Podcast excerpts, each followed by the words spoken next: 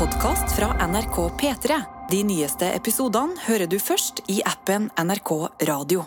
Better Call Saul er endelig i gang med å gi oss avslutninga på Breaking Bad. Og Anatomy of a Scandal på Netflix er spennende tematikk, men kanskje en lite troverdig thriller. Mens dokumentaren Alt for Norge vil treffe midt i all 90-tallsnostalgiske fotballhjerta.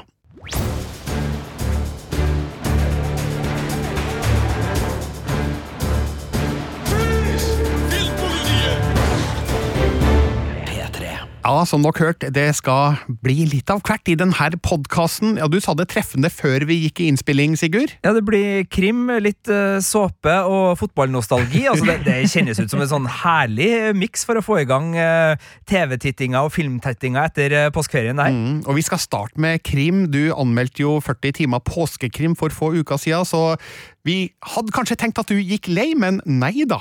Nei, jeg kan jo ikke si at jeg eh, går lei, og jeg kan jo heller ikke la være når en begivenhet kommer på Netflix, fordi etter en god del timer tilbrakt med eh, Walter White i serien Breaking Bad, og en god del timer tilbrakt sammen med Bob Odenkirk i rollen som Saul Goodman i Better Call Saul, så er nå sesong seks av Better Call Saul i gang, og endelig da så skal liksom de to seriene, de to fantastiske seriene, møtes. Vi har hørt rykter om at Walter White og Jesse Pinkman skal dukke opp i denne sjette og siste sesongen av Better Call Saul, og jeg har, sa, uh, som mange andre, uh, sett i hvert fall de to første episodene. Who's here to see Saul Goodman? A tear in my eye when we said goodbye. I wish that we You're the guy, right? What guy's that? Cause I'm not gonna lie, gonna lie, gonna lie. Salamanca's guy. Whatever happens next, it's not gonna go down the way you think it is. Ok, her hørte jeg flere kjente stemmer, gitt. Kan du forklare hvor er vi nå i Better Call Saul-universet? Like før uh, Breaking Bad. Ja. vi er like før Breaking Bad i Better Call Saul-universet. Altså, uh, Better Call Saul er jo da en spin-off fra, fra, Breaking Bad-serien, som da viste oss kjemilæreren Walter Whites reise fra ja, kjemilærerklasserommet og over til å bli en uh, knallhard narkobaron i Albuquerque. og den serien fikk da en prequel som skulle figurere rundt den litt komiske advokaten i Breaking Bad, Saul Goodman. Better Call Saul sto det på det visittkortet. Vi var jo litt spent på det. Jeg husker I 2015, da denne serien begynte å rulle og gå, så var det litt sånn Er det en komedie de skal lage? For han var jo en litt sånn typete type, han. Og Bob Odenkirk, som spiller han, er jo en komiker. Men det var en ganske sånn stilisert, seig, rolig krimdramaserie vi fikk. Og etter hvert som sesongene gikk, og det var interessant å liksom se egentlig uh, Saul Goodman, eller Jimmy, uh, Jimmy, McGill, som han heter, da, sin Breaking Bad-reise. For han er også da en, en advokat som starter med, med, mange gode intensjoner og mange eh, ønsker, og, og, så har han en storebror som han lever litt i skyggen av, og så begynner vi å se at han òg liksom finner ut at loven, der, der kan det gjøres mye. Og så tror jeg det var i sesong tre eller fire, så begynte vi liksom å merke at ja, men nå er vi jo over i Breaking Bad-territoriet. Her begynner vi jo å Altså, det der er jo Gus Frings, altså mannen bak uh, kyllingbutikken, og som blir liksom den store skurken i Breaking Bad, og så begynner man å dra kjensel på flere andre. Vi har hørt en liten ringeklokke her, som alle som har sett Breaking Bad, vet at uh, hører til på rullestolen til en viss uh, gammel kartellboss, og så ble det plutselig en veldig sånn sam, deilig sammenblanding av de eh, to seriene, og det er jo nå, da, med sesong seks, som med del én nå har begynt å gå på Netflix. De to første episodene er ute nå. Det skal komme jeg tror det er seks episoder nå. Og så i juli så begynner siste del av denne sesongen, som da blir de aller siste episodene. Det skal være 13 episoder i totalen, og jeg tror når vi snakker august, så har vi da fått hele historien. Men siden det her egentlig er en AMC-serie i USA, som går på AMC pluss der av strømmetjenester, så, til tross for at det står Netflix original på den i, i Norge, og den er en Netflix-serie på sett og vis, så kommer jo ikke den her i e, ett slipp, så vi får heller ikke screenere på den her, så, så, her følger vi bare den serien akkurat som eh, alle andre. Én eh, episode i uka om gangen. Men du, det er interessant å høre deg beskrive Better Call Sauls utvikling, fordi jeg må innrømme at jeg har hatt fryktelig dårlig samvittighet i årevis overfor denne serien, fordi hjemme hos meg så så vi de to første sesongene, og så ramla vi av. Ikke fordi serien var skikkelig dårlig, men fordi at den var litt, som du sa, litt seig. Og vi skjønte ikke helt hvordan den skulle etter hvert sy seg sammen med Breaking Bad, og så kom det noen andre serier og tok vekk oppmerksomheten. Men var det en giganttabbe? Var det altså fra sesong tre og fram til nå at Better Call Saul virkelig ble den serien den skulle bli? Eh, det er lett å svare ja og nei på det spørsmålet, fordi det er klart eh, Sånn som jeg ser det, så har det her alltid vært en veldig god serie som eh, etter hvert også utvikla seg til å bli en naturlig forlengelse av Breaking Bad, noe som gjorde den enda bedre. Men jeg vil jo på ingen måte underkjenne den starten, altså, så jeg vil jo si at det her har vært en uh, knallgod serie som har vært sin egen serie, òg, på sett og vis, og, og innimellom så syns jeg den er bedre enn Breaking Bad. Uh, kanskje ofte syns jeg den er bedre enn Breaking Bad, fordi det er jo samme folkene som lager. altså Det her er uh, fra, fra hjernene til, til Vince Gilligan og Peter Gold. og de har jo både skrevet og, og utvikla de her rollefigurene sammen. De kjenner universet så godt, så når de da gikk løs på, på Saul Goodman, så gjorde de det med all den erfaringa og kunnskapen om det her universet. Så, så jeg syns den har på en måte overgått sin, sin, sitt utgangspunkt, og Breaking Bad er jo en av de aller største TV-seriene fra moderne tid, så, så, det er jo en bragd. Men jeg skjønner også hva du mener, Birger, og, og det er også litt fristende å svare ja. Det er først når vi liksom ser Breaking Bad-universet med de rollefigurene vi drar kjensel på, og vi vet at vi skal inn i det oppgjøret som den legger opp til, eh, at det kanskje blir mer underholdende og mer fengende å være i Albuquerque sammen med, med Saul Goodman og co. Eh, det er jo også lett å trekke paralleller til Ozark her, som er en annen serie som er på Netflix, hvor også et meksikansk narkokartell og en eh, hovedperson med familie som ligger i Breaking Bad uh, greia. Og, og for å uh, sammenligne de seriene litt, altså nok Ozark popkornversjonen. Breaking Bad er det prestisjedramaversjonen, og Better Call Soul er som en uh, vellagra whisky med god røyksmak. Altså, det er et litt sånn raffinert valg. Det er litt mer krevende, men du verden, hvis du liker lange tagninger på cowboyboots, som da glir over til handling etter en 10-12 sekunder, kanskje 30, sånn at du virkelig har liksom absorbert hele liksom, eh, det soldynka utsnittet, da er Better Better Call Saul eh, for deg? Du sa at uh, det ryktes at vi får gjensyn med Walter White og Jesse Pinkman.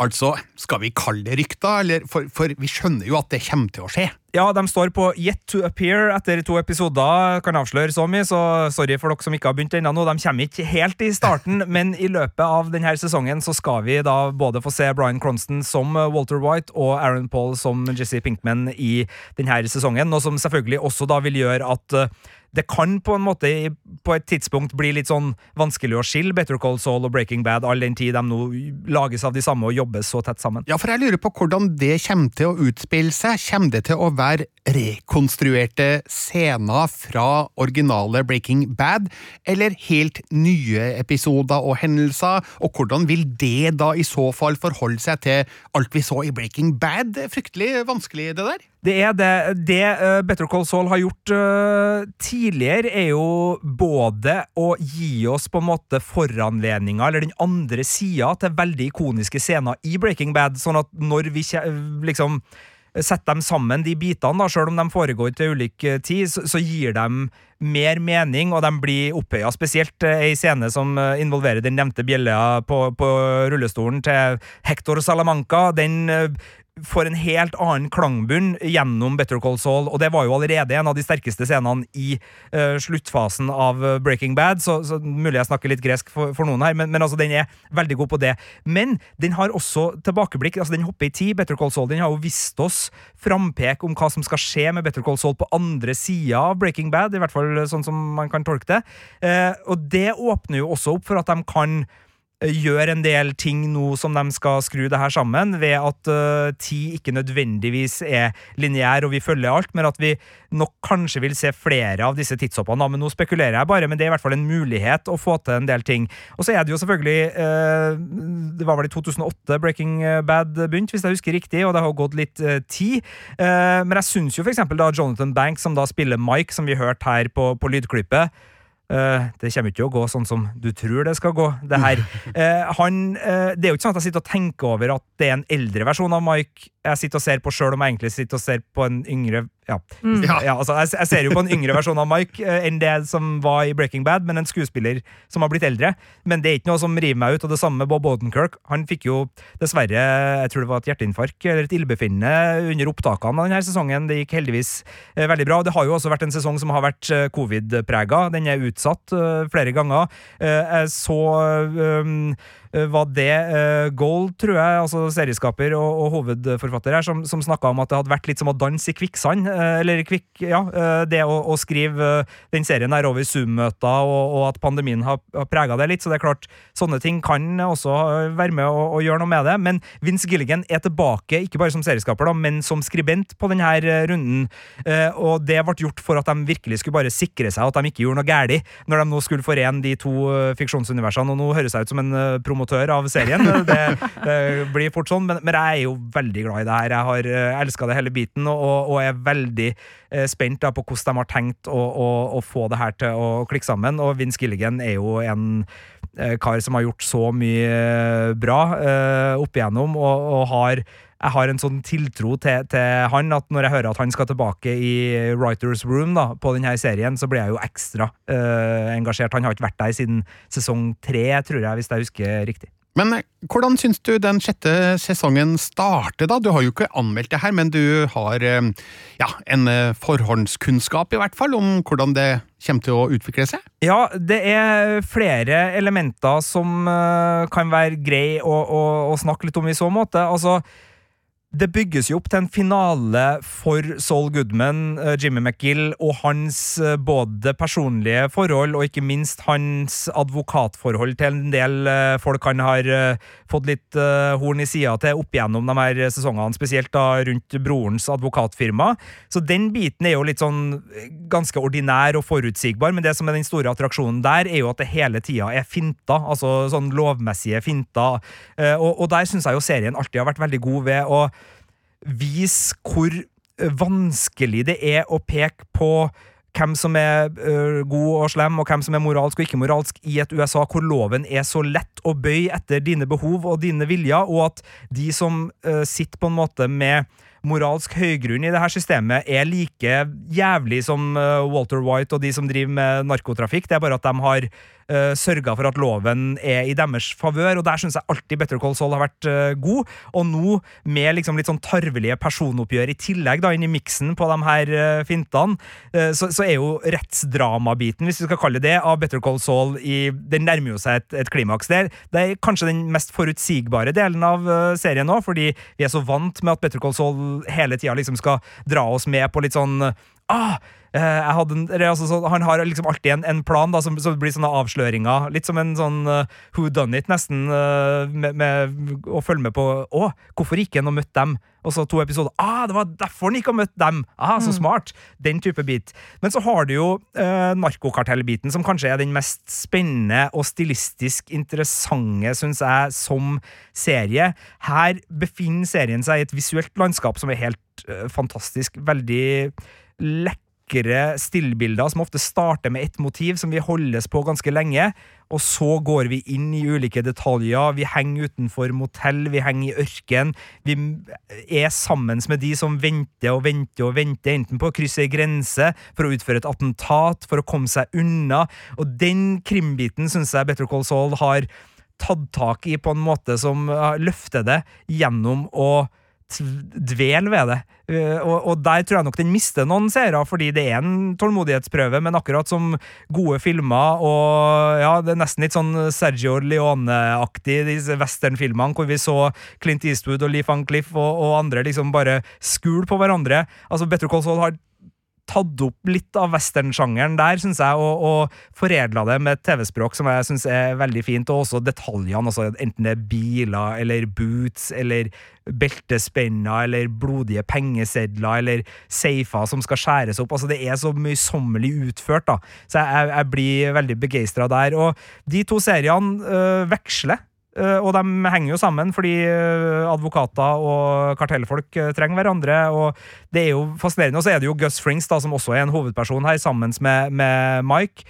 og dem er jo også veldig på vei med å forme det vi skal se at de har etablert i Breaking Bad. Og kan jo si så mye at etter to episoder så er ikke det liksom fiks ferdig opplegg på noe som helst vis. Her er det ganske mye som må trikses og mikses for at de kartellsjefene vi vet havner ut i andre enden skal komme seg ut eh, på andre enden. Kan du avsløre om eh, Får vi til og med kanskje et gjensyn med Hank, spilt av Dean Norris? Han var min favoritt i Breaking Bad. Ja, og, og han var jo den gode i Breaking Bad på et eller annet uh, merkelig vis, fordi alle de andre ble jo så fæle på, på, veien. Jeg husker jeg, nå, det her ble litt snikskrytete, men jeg var så heldig og fikk et lite intervju med Vince Gilligan da han besøkte Norge for en del år tilbake, og da, da snakka vi litt om det her, hvordan hans forhold til Walter White hadde utvikla seg. Eh, og han sjøl sa jo at han hadde liksom eh, fått litt mer og mer avsmak for Walter White sin rollefigur, at sympatien men hans mor, tror jeg det var han sa, hun heia på Walter uh, hele veien. Så, så, det er jo en serie som bygger litt sånn uh, skjøre sympatistrukturer. Men Hank var jo liksom den som uh, var den der klassiske politihelten i Breaking Bad. Så, så, det hadde vært artig å se hvordan han kommer inn i den her meget sånn uh, mudrete uh, moralske suppa som uh, omgis uh, oss som tilskuere mm. i Better Call Saul. Marte Hedenstad, er du her fremdeles? Ja, jeg er her fremdeles. Det er en fryd å sitte og høre på engasjementet ditt, ja, Sigurd. Det er mye engasjement altså. Men, men, men, hva slags forhold har du til Breaking Bad og Better Call Saul, egentlig? Better Call Saul, null forhold til. Den begynte jeg aldri å se engang. noe som jeg syns kanskje er litt rart, for du ga jo den første sesongen ternekast fem. Ja, ja. Um, men jeg tror det var et eller annet ved noe i din anmeldelse som gjorde at jeg liksom tenkte at nja, det her er ikke for meg. Og det kan jeg skulle ikke ha skrevet western. Nei, det er sikkert derfor. Det er sikkert, du, du, sikkert derfor. Eh, og så er det noe med at eh, jeg brukte jo kjempelang tid på å komme inn i Breaking Bad. Eh, da den serien begynte her i Norge, så var det jo ukentlig på Hva var det? Max? Jeg lurer på om det var Max eller Vox eller noe sånt. Ja. Det var en av de der kanalene. Um, og jeg husker jeg så de to første episodene, falt av. Uh, og så begynte jeg å prøve å se det på nytt igjen da det kom på strømming. Så tre episoder, falt av. Og så var det først ved mitt tredje forsøk, uh, da det begynte å nærme seg slutten, at jeg um, bare sånn Nå må jeg Alle sier det her er så sinnssykt bra. Nå må jeg bare tvinge meg gjennom første sesong. Uh, og så tok det jo bare kanskje et par episoder til lenger enn det jeg hadde sett, før jeg også ble veldig hekta. Og da så jeg jo alt som var ute i et smekk, og, og var veldig gira med på, på, slutten. Men jeg brukte ganske lang tid inn i det, uh, og jeg tror det var kanskje kombinasjonen av det, sammen med at du kanskje kalte den for seig og hadde ord som western og sånn, at jeg tenkte ok, ok, men det er kanskje ikke dette noe for meg. Og så så jeg aldri Better Call Saul. Nei. Jeg føler at her er det et materiale som ennå er uutforska for min del, som jeg virkelig bør tilegne meg. Og det er jo all muligheter til å gå i gang med Better Call Saul når man vil.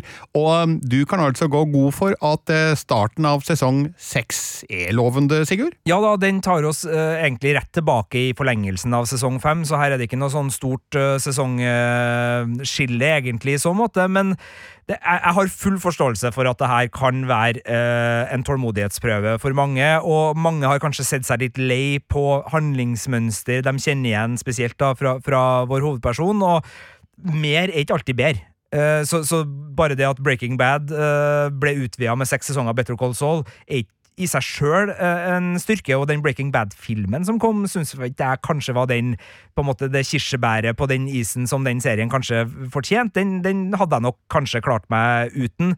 Men øh, hvis du liker det, og, for meg, da, som er såpass uh, glad i både stilen og, og historia, så, så ble Better Call Saul rett og slett bare en en, en fullbyrdelse av det verket, på en måte som gjør at uh, de, de, har kommet sammen, og at jeg nå ser på det mer eller mindre som i hvert fall et serieunivers, og, og kanskje også i, i, på en serie. sånn, Det er litt uh, selvfølgelig flåsete å si, men, men, men, de har liksom blitt så lik hverandre òg, at uh, det funker. Og så tror jeg nok overgangen til å begynne å se Breaking Bad sesong én igjen vil være litt rar, for det er en annen tone, mm. og det er et litt annet opplegg. Men, men, jeg tror nok jeg kommer til å havne ganske sånn umiddelbart i gjensynsmodus med Breaking Bad, når vi da i Jeg vil håpe og tro at i august vi får da den 13. og aller siste episoden av sesong 6 mm. av Better Call Saul.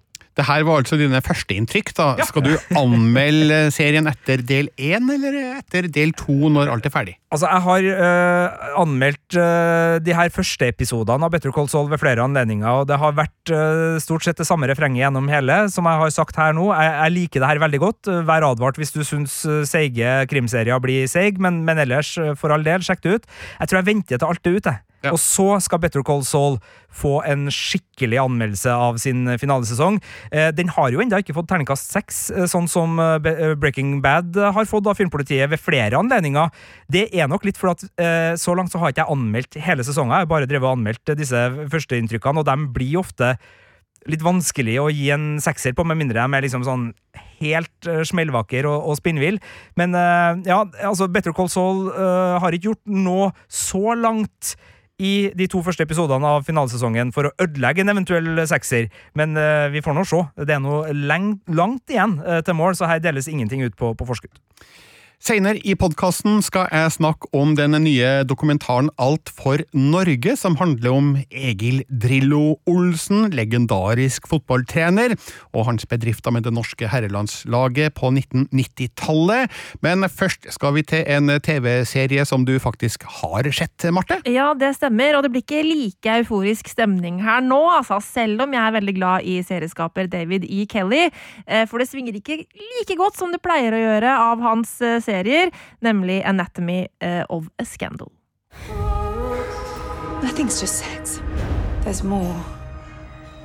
You're not telling me just to tell me. To unburden yourself.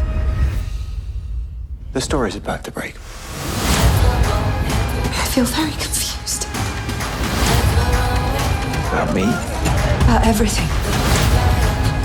James Whitehouse's privilege does not extend to rape. The word rape and my name have nothing to do with each other! For de ja, uinnvidde, skal vi si det sånn, kan du gi oss et lite bilde på hvem David E. Kelly er? Ja, det er en ganske interessant serieskaper. Fordi han har en altså, enorm produksjonsrate. Altså, han lager veldig, veldig mange serier. Og har laga kvalitetsserier som Big Little Lies, uh, The Undoing uh... Vi kan jo spore tilbake TV2-knappen ja, ja, vår litt til 90-tallet. Altså, sånn, han er mannen bak Ally McBeal, ja. bak Boston Public, Boston Legal. Jeg tror han uh, jobba vel på var det Doogie Houser. Ja, altså, sånn, han har en uh, vanvittig lang CV. Han laga Doogie Houser, altså, ja. Så, så, så, han har jo gjort så mye, og har jo blitt sammen med Ryan Murphy og uh, Shonda, altså Shondaland Shonda Rhimes. Ja. Uh, og han som nå lager Yellowstone også. Altså, nå husker jeg ikke navnet hans, men altså, de, de, er jo de fire nå som har liksom sånn produsentstanding ja. i det internasjonale TV-miljøet. At med en gang du hører navnet deres, så vet du sånn cirka kanskje hva du har i, i gjerdet, og de får lov til å lage stort sett det de vil. Ja, de jeg, tror, jeg, jeg, tror, ingen av dere sa lov og rett i LA. Ikke sant? Ja. De sa jo ikke lov og rett i LA. Men, men serien han er aktuell med nå, er altså Anatomy of a Scandal, og hvilken skandale skal vi til da? Jo, altså Dette her er jo da eh, britiske skandaler. Fordi det har seg sånn at Netflix eh, og David E. Kelly har nok sett på A Very English Scandal og A Very British Scandal-antologiseriene, som da har tatt for seg altså britisk sladrepresses eh, store skandaler. Altså om det, er, om det var den derre politikerskandalen eh, som hadde Hugh Grant i hovedrollen i A Very English Scandal, nå sist eh, på NRK, som ligger nå ute, den heter på norsk En britisk skandale med Claire Foy i hovedrollen. I en av de første skilsmisseoppvasksakene i britisk presse. Universet, så er det på en måte det landskapet vi eh, beveger oss inn i, bare at David E. Kelly har tatt utgangspunkt i en fiktiv skandale eh, i denne nye antologiserien, som da skal være en antologiserie med flere miniserier, som da tar for seg skandaler i Storbritannia, eh, som da er fullt oppspinn og tull og tøys. Og det betyr jo at eh, det David E. Kelly er veldig glad i, nemlig såpete drama, kan få utspille seg i enda litt større grad da, enn når det er historier basert på, på virkeligheten. Eh, og det må jeg jo si, som jeg sa innledningsvis her, jeg digger David E. Kelly. Han er en dyktig fyr, men han produserer rå himla mye ræl. Altså, han lagde Big Sky Helt Terningkast kriseræva. én av Marte Henstad. Det verste jeg har sett på lenge. Og så spyr han også ut serier som eksempel Big Shot med John Stamos, som også ligger på Disney pluss. Den baskettrenerserien. Basket high school-trenerserie. Så han det er veldig forskjellig hva man egentlig får av David E. Kelly, men det jeg vet er at han er glad i et godt drama, han er glad i såpe, og han er god på rettsdrama. Eh, og vi får både Alle disse tre tingene får vi i Anatomy of a Scandal, men så veves det også inn et sånt thrillerelement her, som han jo for så vidt var god på i for eksempel Big Little Lies, men som ikke blir troverdig denne gangen, eh, og som rett og slett blir litt forsøkt til at det blir eh, helt bra. Eh, Troverdighet er jo forskjellige ting. altså det er troverdighet, eh, altså Fiksjonstroverdighet, om det funker i universet, og, og troverdighet om du liksom tror på rollefigurene. Og så har du jo, i og med at du har snakka om det, det her er basert, eller litt inspirert da, av virkelighetens skandaler. Så kan man jo snakke om en annen troverdighet. Og jeg lurer på, altså, Lurer denne serien noen til å liksom, sånn at folk kan tro at det her er virkelige hendelser, eller basert på virkelige hendelser? Eller ligger den såpass over i såpeland at du med en gang skjønner at uh, altså, her er det underholdning, uh, og ikke noe som kan være fra, Altså, fra virkeligheten? helt innledningsvis, hvis man ikke kjenner noe til uh, britisk politikk, så kan man kanskje bli lurt til å tro at det er basert på virkelige hendelser. Men det handler jo da om en politiker som får en utroskapsskandale bretta ut i media, og som eh, etterfulgt av det blir anklaget for voldtekt. Sånn at da burde du jo på en måte ha fulgt med Du må- liksom virkelig ikke ha fulgt med for å tro at dette her er en sann historie. Eh, men så er det Og jeg kan ikke avsløre hva det er som ikke er troverdig her. Foregår det i nåtid, eller? Ja, det foregår i nåtid. Ja, okay, ja, ja. Eh, sånn at eh, ja, eh, men det jeg kan si da, er at vi følger da eh, Det er Rupert Friend eh, som spiller denne James Whitehouse, som er da en høytstående politiker i regjeringa i, i Storbritannia. Og vi følger da kona hans, spilt av Sienna Miller, som da heter Sophie, som først få på en måte vite i forkant av at dette skal slippes i media, at mannen hennes har vært utro, eh, hvordan hun reagerer på det, og velger å stå sammen han, med han i den skandalen, eh, og så hvordan det utvikler seg videre når det kommer en voldtektsanklage oppå dette her, eh, hvor hun da står sammen med han i stormen, eh, men etter hvert utover i rettssaken begynner å undre på er han uskyldig eller ikke? Eh, Hun begynner å tenke over sine egne valg i livet, eh, og det som serien gjør veldig, veldig godt, er at den spiller en god del på eh, hvilke privilegier eh, man har, både som mann, politiker og en fyr med makt, men også som eh, rike folk, da, og på en måte hvilken påvirkning man har på andre. og hva, hvilke konsekvenser det å være blind for egne privilegier også kan ha. Veit du som seer om James eh, Whitehouse er skyldig eller ikke? Uh, nei, altså Det er litt interessant, fordi uh, det her er jo noe som andre serier også har gjort før. Men måten vi uh, opplever denne saken på, er at vi ofte får Vi følger rettssaken på en måte punkt for punkt, og så får vi en rekke tilbakeblikk både fra fortida når de er unge, disse menneskene som det handler om, eh, og også da eh, tilbakeblikk på hendelsene som blir diskutert under rettssaken. Eh, og de får vi se fra ulik synspunkt. Sånn at For det blir litt sånn he said, she said. Um, han mener at det var samtykke, hun mener det ikke var det, og vi får se deres forskjellige synspunkt på det. Og det er noe av det jeg syns serien er veldig interessant rundt, da, fordi det er en en veldig viktig og interessant debatt, dette med hva samtykke er, eh, og også hva som ligger til grunn for at noen mennesker ikke forstår hva samtykke er.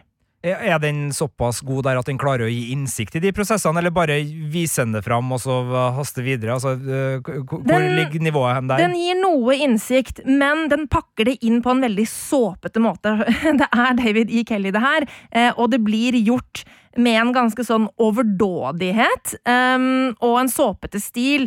Uh, samtidig så er det sånn akkurat som at David E. Kelly har tenkt dette her skal være prestisjedrama, og har en litt sånn checklist på hva han må ha med. En ting han må ha med, det er kunstneriske virkemidler. Uh, det han må ha med, er noen stilige overganger fra fortid til nåtid, som altså blir så forslitt at det er, det er helt sånn slitsomt å se på.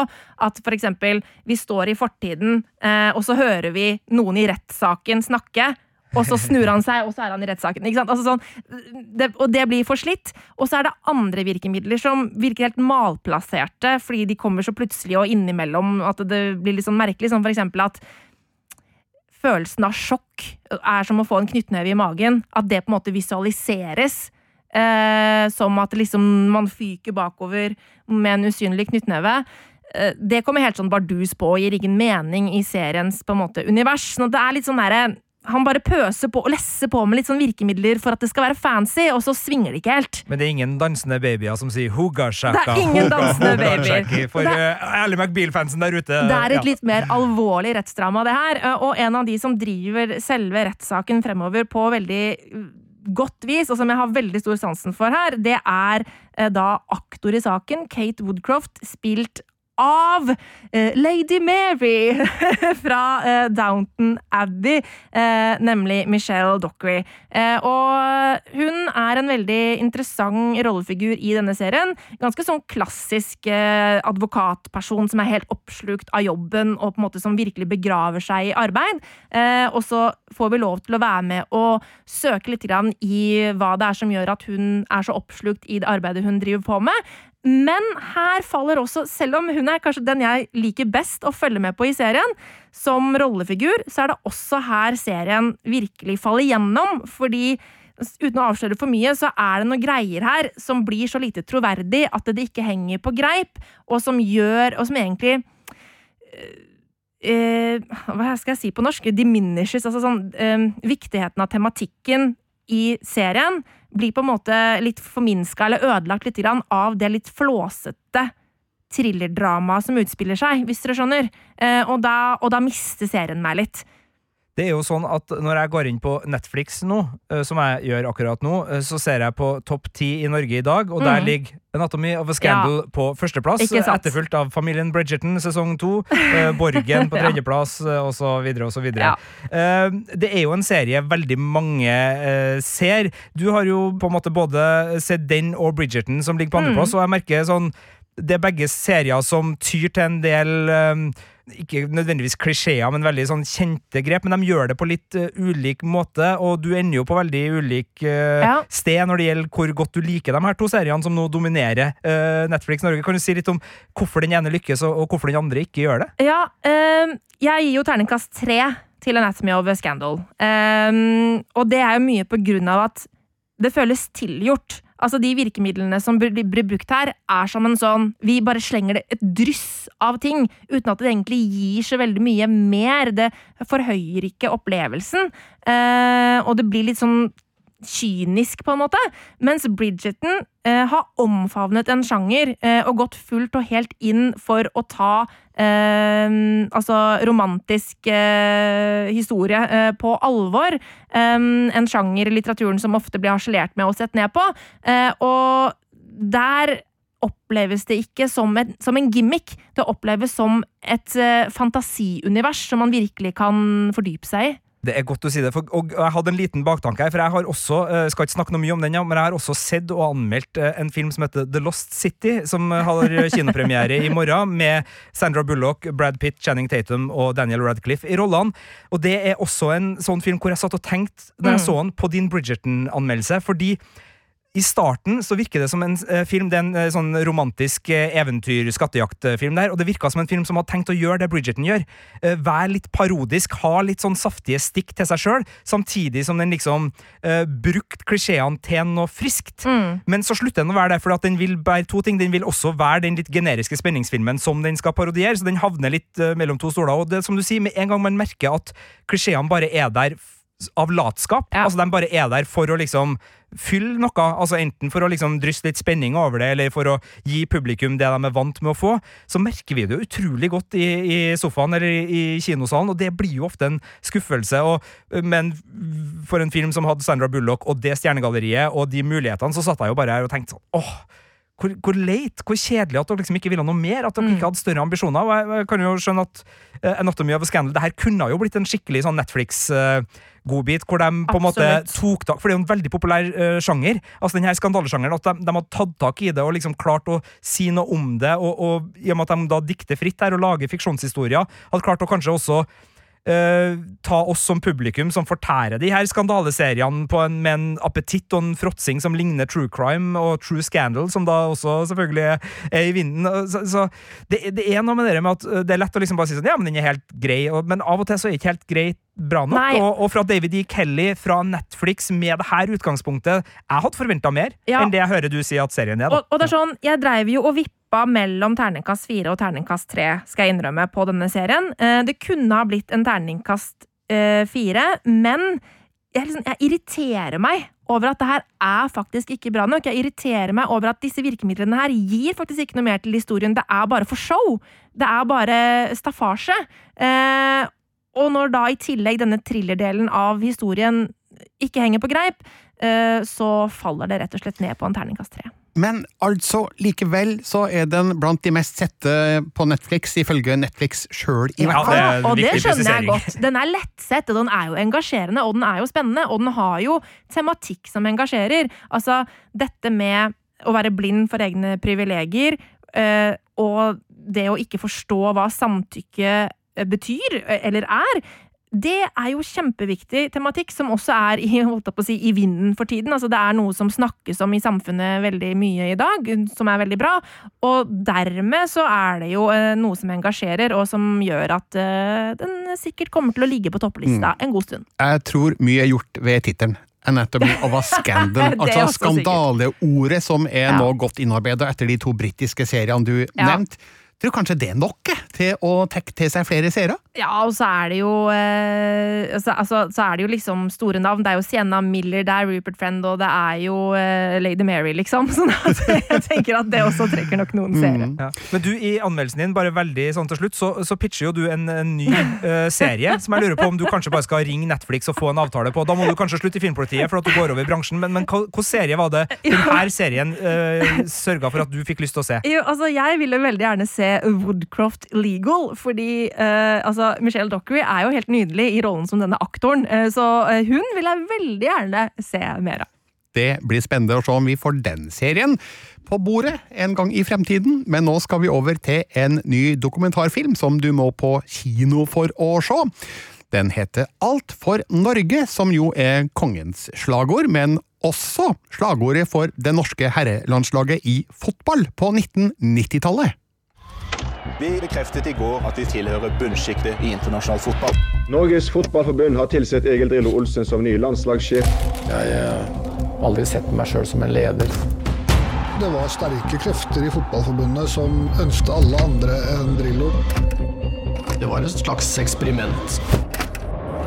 Jeg er amanuensis i skåringer, da.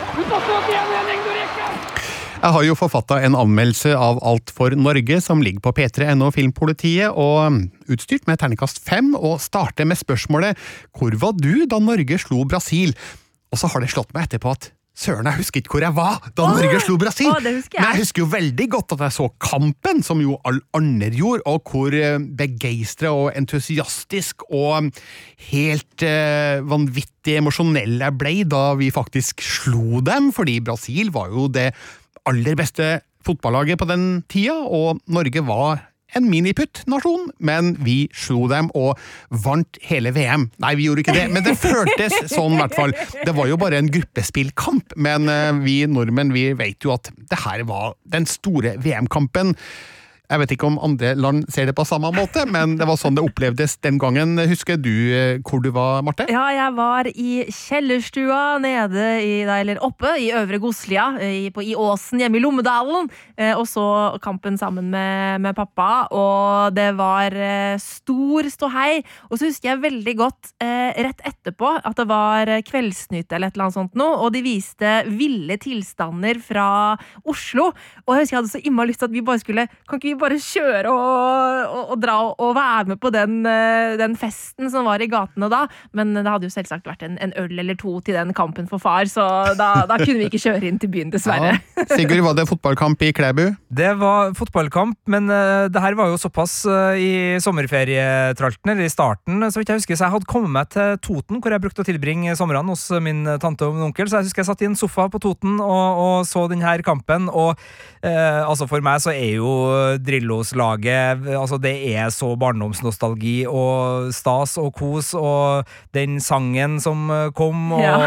Eller dem sangene, det var, var, flere gode rockere der. Og jeg husker eh, på veggen på skapet På skapdøra så, så hang det Det var til VM i 94. Hadde sånn klistremerke om å gjøre å, få alle Men det her er ikke Heia fotball-podkast, altså, men, men det, det her er jo så gode minner, de landslagene der. altså Alt med, med Egil Drillo Olsen, både i 94 og i 98, og kan jo trekke det lenger til, til det laget Nils Johan Sem hadde med seg til EM i, i 2000 òg. Det, det, altså, det, var mm. fantastisk artig å være unge under de mesterskapene der. Jeg satt enten hjemme for meg sjæl eller hos noen fotballinteresserte venner som bor like ved Lerkendal, eller så var jeg på fotballpub.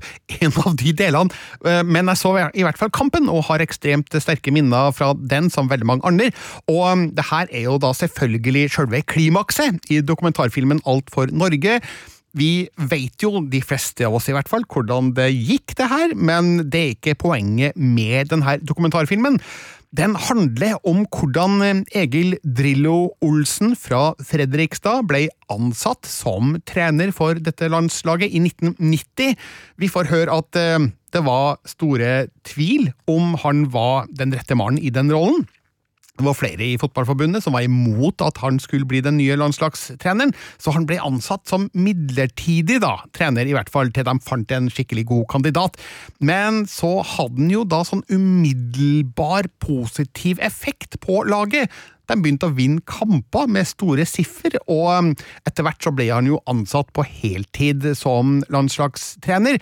Og filmen følger jo da hvordan de um, gikk inn i kvalifiseringa til fotball-VM i 94, hvordan de reiste til USA og hva som skjedde der, den mislykka EM-kvalifiseringa to år seinere, og så da kronen på verket hvordan de kom seg til VM i Frankrike, og hvordan de banka Brasil i den siste og avgjørende kampen i eh, innledningsspillet, slik at de kom seg til åttendedelsfinalen. Og hvordan det gikk der, det, Nei, det, det For det er ikke noen italienere i hovedrollen i denne filmen, håper jeg? Nei, det, det refereres som en tekstplakat helt på slutten, okay, hva som skjedde der. Men, eh, den kampen, men ja. ja det, er viktig at filmen går ut med et smell og på en positiv vibe, og det gjør den virkelig, altså. For det her er en festdokumentarfilm for alle som elsker fotball, og alle som har nostalgiske minner til hvordan det var å være norsk på 1990-tallet. Og jeg kan jo si såpass at filmen starter jo med et formgrep som virkelig setter tonen. Eh, den er distribuert av SF Studios, den her, og starter jo da på vanlig måte med SF Studios-logoen, slik den er i dag, men midtveis så stopper den og spoler tilbake med sånn VHS-klikk-klakk-lyder, og så setter de i stedet i gang den gamle SF-logoen fra 1980-tallet. Og allerede der så skjønner man at jo, her skal det gjøres formgrep som tar oss tilbake i tid, for vi er jo i VHS-kassettens æra, og mye av filmen er basert på private opptak, gjort enten da med hjemmekamera eller eh, opptak fra TV-sendinga fra den gangen. Og eh, bare dette formgrepet i starten gjør jo at eh, man forstår at her har filmskaperne virkelig truffet på formgrepet som fører oss tilbake i en æra som nå er ettertrykkelig forbi. Eh, Hvordan er det å se med 2022-øya for deg? Du har jo vært gjennom eh, flere format eh, som både film og TV-titter opp igjennom, men altså, kjenner, altså gjør det noe med filmopplevelsen i negativ eller positiv forstand, det at det er litt kornete og, og kanskje litt eh, dårligere kvalitet enn man er vant til fra, fra filmer som er laga nå? Ja, Nå skal det sies at mange av de her opptakene er godt restaurerte, men fremdeles så ivaretar de den grovkorna grovkorna estetikken da, fra datidas eh, teknologi, eh, også når det gjelder TV-overføringene, som muligens er litt mer grovkorna enn de var den gangen. Jeg vet ikke helt hvordan de har løst det rent teknisk, men eh, det er helt klart gjort med vitende og vilje, det her. Vi er ikke i en en knivskarp 4K-UHD-æra her. Dette er ja, det er ikke 1080P, det er Hva var den gamle oppløsninga? Var det 480i? Altså interlaced, som var formatet den gangen? Litt usikker på om jeg treffer rett med, med fagspråket her nå, men i hvert fall det formmessige er godt ivaretatt også på lydfronten, der man slår til med skikk skikkelig 80-talls syntmusikk som minner meg litt om det vi hørte i eh, Kong, nei, unnskyld, King Fury-filmen. Altså Ja. den typen formspråk da, som gjør at vi eh, virkelig tatt tilbake i tid her.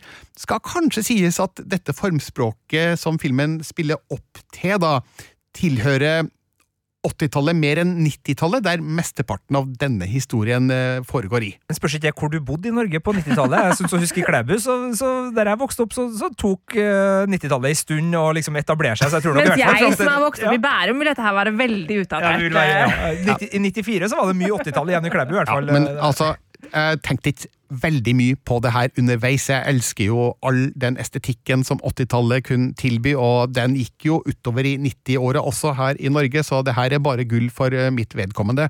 Men det at filmen utelukkende består av ar arkivmateriale, er jo noe jeg kjenner godt igjen fra et knippe dokumentarfilmer laga av den britiske regissøren Asif Kapadia. Først og fremst da Senna, om racerbilsjåføren Ayrton Senna, og også da Maradona, som Ja, hvem handler den om, tror du, Marte? Nei, det var vel han fotballspilleren Maradona, da? Helt korriktig! Diego Diego. Maradona. Og, Diego. og spesielt den filmen er jo åpenbart en parallell til Alt for Norge, fordi begge handler om fotball på 1980- og 1990-tallet. Og her er det henta arkivklipp fra utrolig mange kilder. Altså, det er mange hjemmevideoklipp klipp fra både Egil Drillo Olsens egen familie og fra fotballspillere. Jeg ser blant annet Mini Jacobsen har filma en del her. Og så har de henta flere klipp fra private folk, som eh, de jo har etterlyst nå i et par års tid. Og de har fått inn massevis av klipp egentlig fra folk som sitter og ser på spesielt denne avgjørende Norge-Brasil-kampen.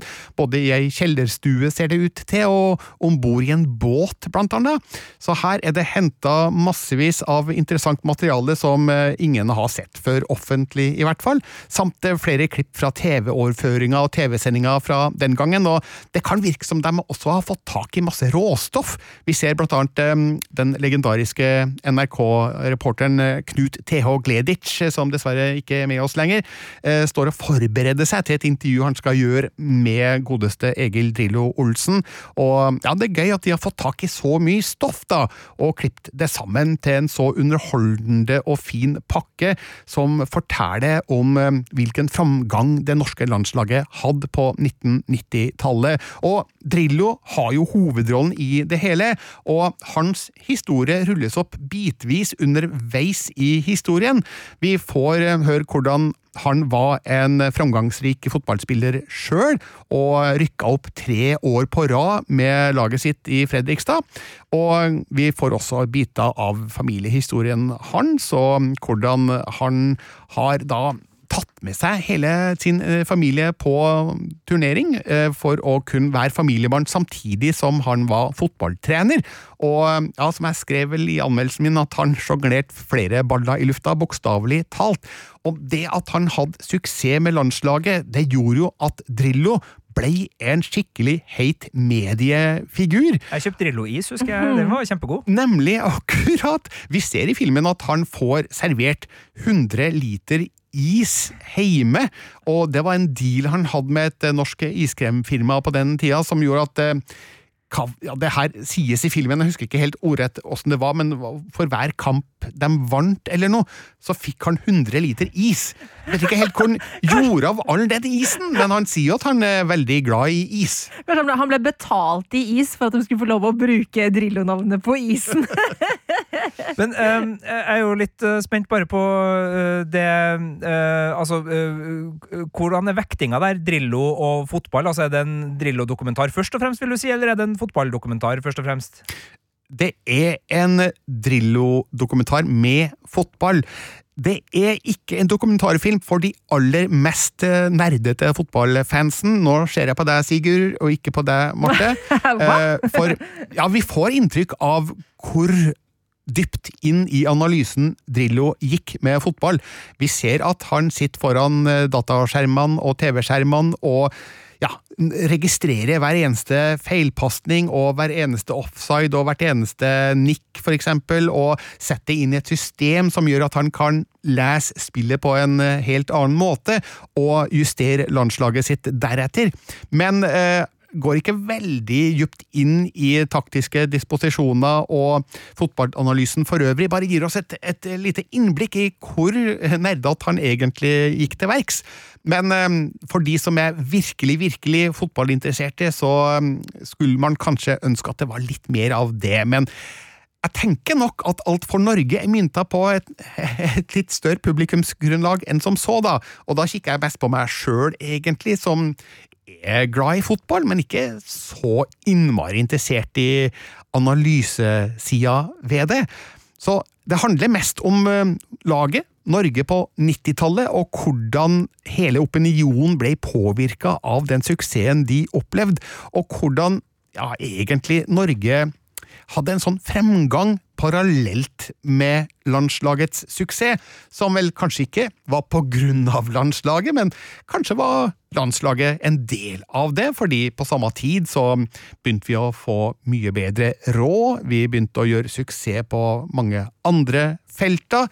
Eh, det var rett og slett oppgangstider i Norge på den tida, og det beskrives jo litt i filmen gjennom kong Haralds nyttårstaler, og hvordan de utvikler seg i takt da med den stadig større suksessen som Drillo og landslaget opplevde. En tilfeldighet, kanskje, men en eh, morsom liten eh, ja, kobling der, da, om du vil. Eh, nå nevnte jeg Asif Kapadia litt tidligere, og det er viktig her, fordi jeg tror nok at regissørene av Alt for Norge, Daniel Høglund og Jo Vemund Svendsen, de må ha sett på hans filmer. Eh, Nå tror jeg ikke Kapadia nødvendigvis var den første som laga dokumentarfilm på denne måten, men han har i hvert fall vært en av de fremste eksponentene for den måten å lage dokumentarfilm på da, i de siste åra.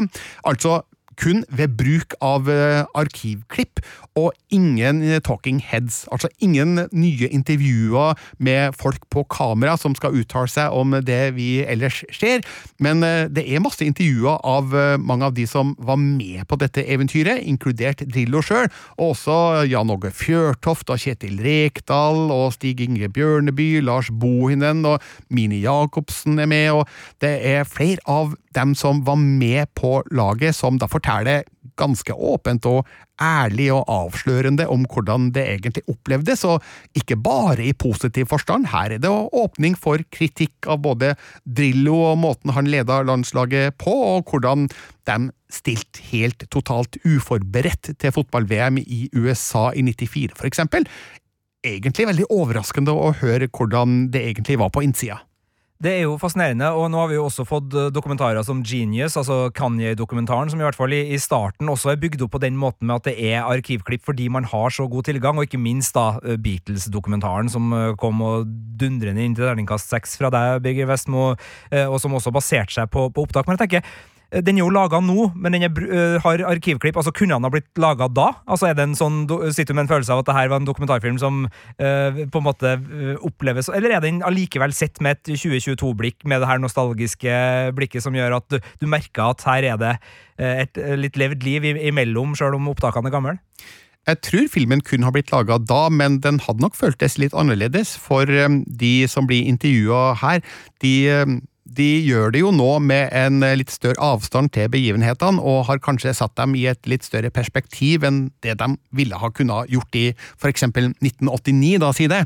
Men formmessig så er det jo en film som ja, godt kunne ha vært fra datida, men eh, ja, det er ikke noe jeg har tenkt veldig mye på. eh, Men eh, det er nok et poeng det her at eh, nostalgien er viktig. Jeg er jo en uforbederlig nostalgiker, jeg beklager det. Eh, Så for min del så traff jo alt for Norge den nostalginerven som jeg liker at noen pirker borti, og, og gjør at ja, jeg blir hensatt til en tid jeg husker, men som jeg syns det er deilig å få en påminnelse om. Jeg må bare uh, vil at, skal jeg understreke eller opplære litt for meg nå. Uh, fordi hele filmen er basert på arkivklipp, men det er også intervjuer av nyere tid, men stemmelagt oppå arkivklippene. Sånn å forstå? Ja, det er riktig. Ja, Da misforstår jeg. Da beklager jeg. Da kan dere stryke alle spørsmål fra meg de siste fem minuttene. Og uh, det her eh, inn, innom Genius. Og jeg trodde du mente at alt var arkivklipp, men beklager, da har ikke jeg fulgt med i Ja, timen. nei, sorry hvis jeg var uklar, Nei, men uh, alle intervjuene, eller de fleste intervjuene vi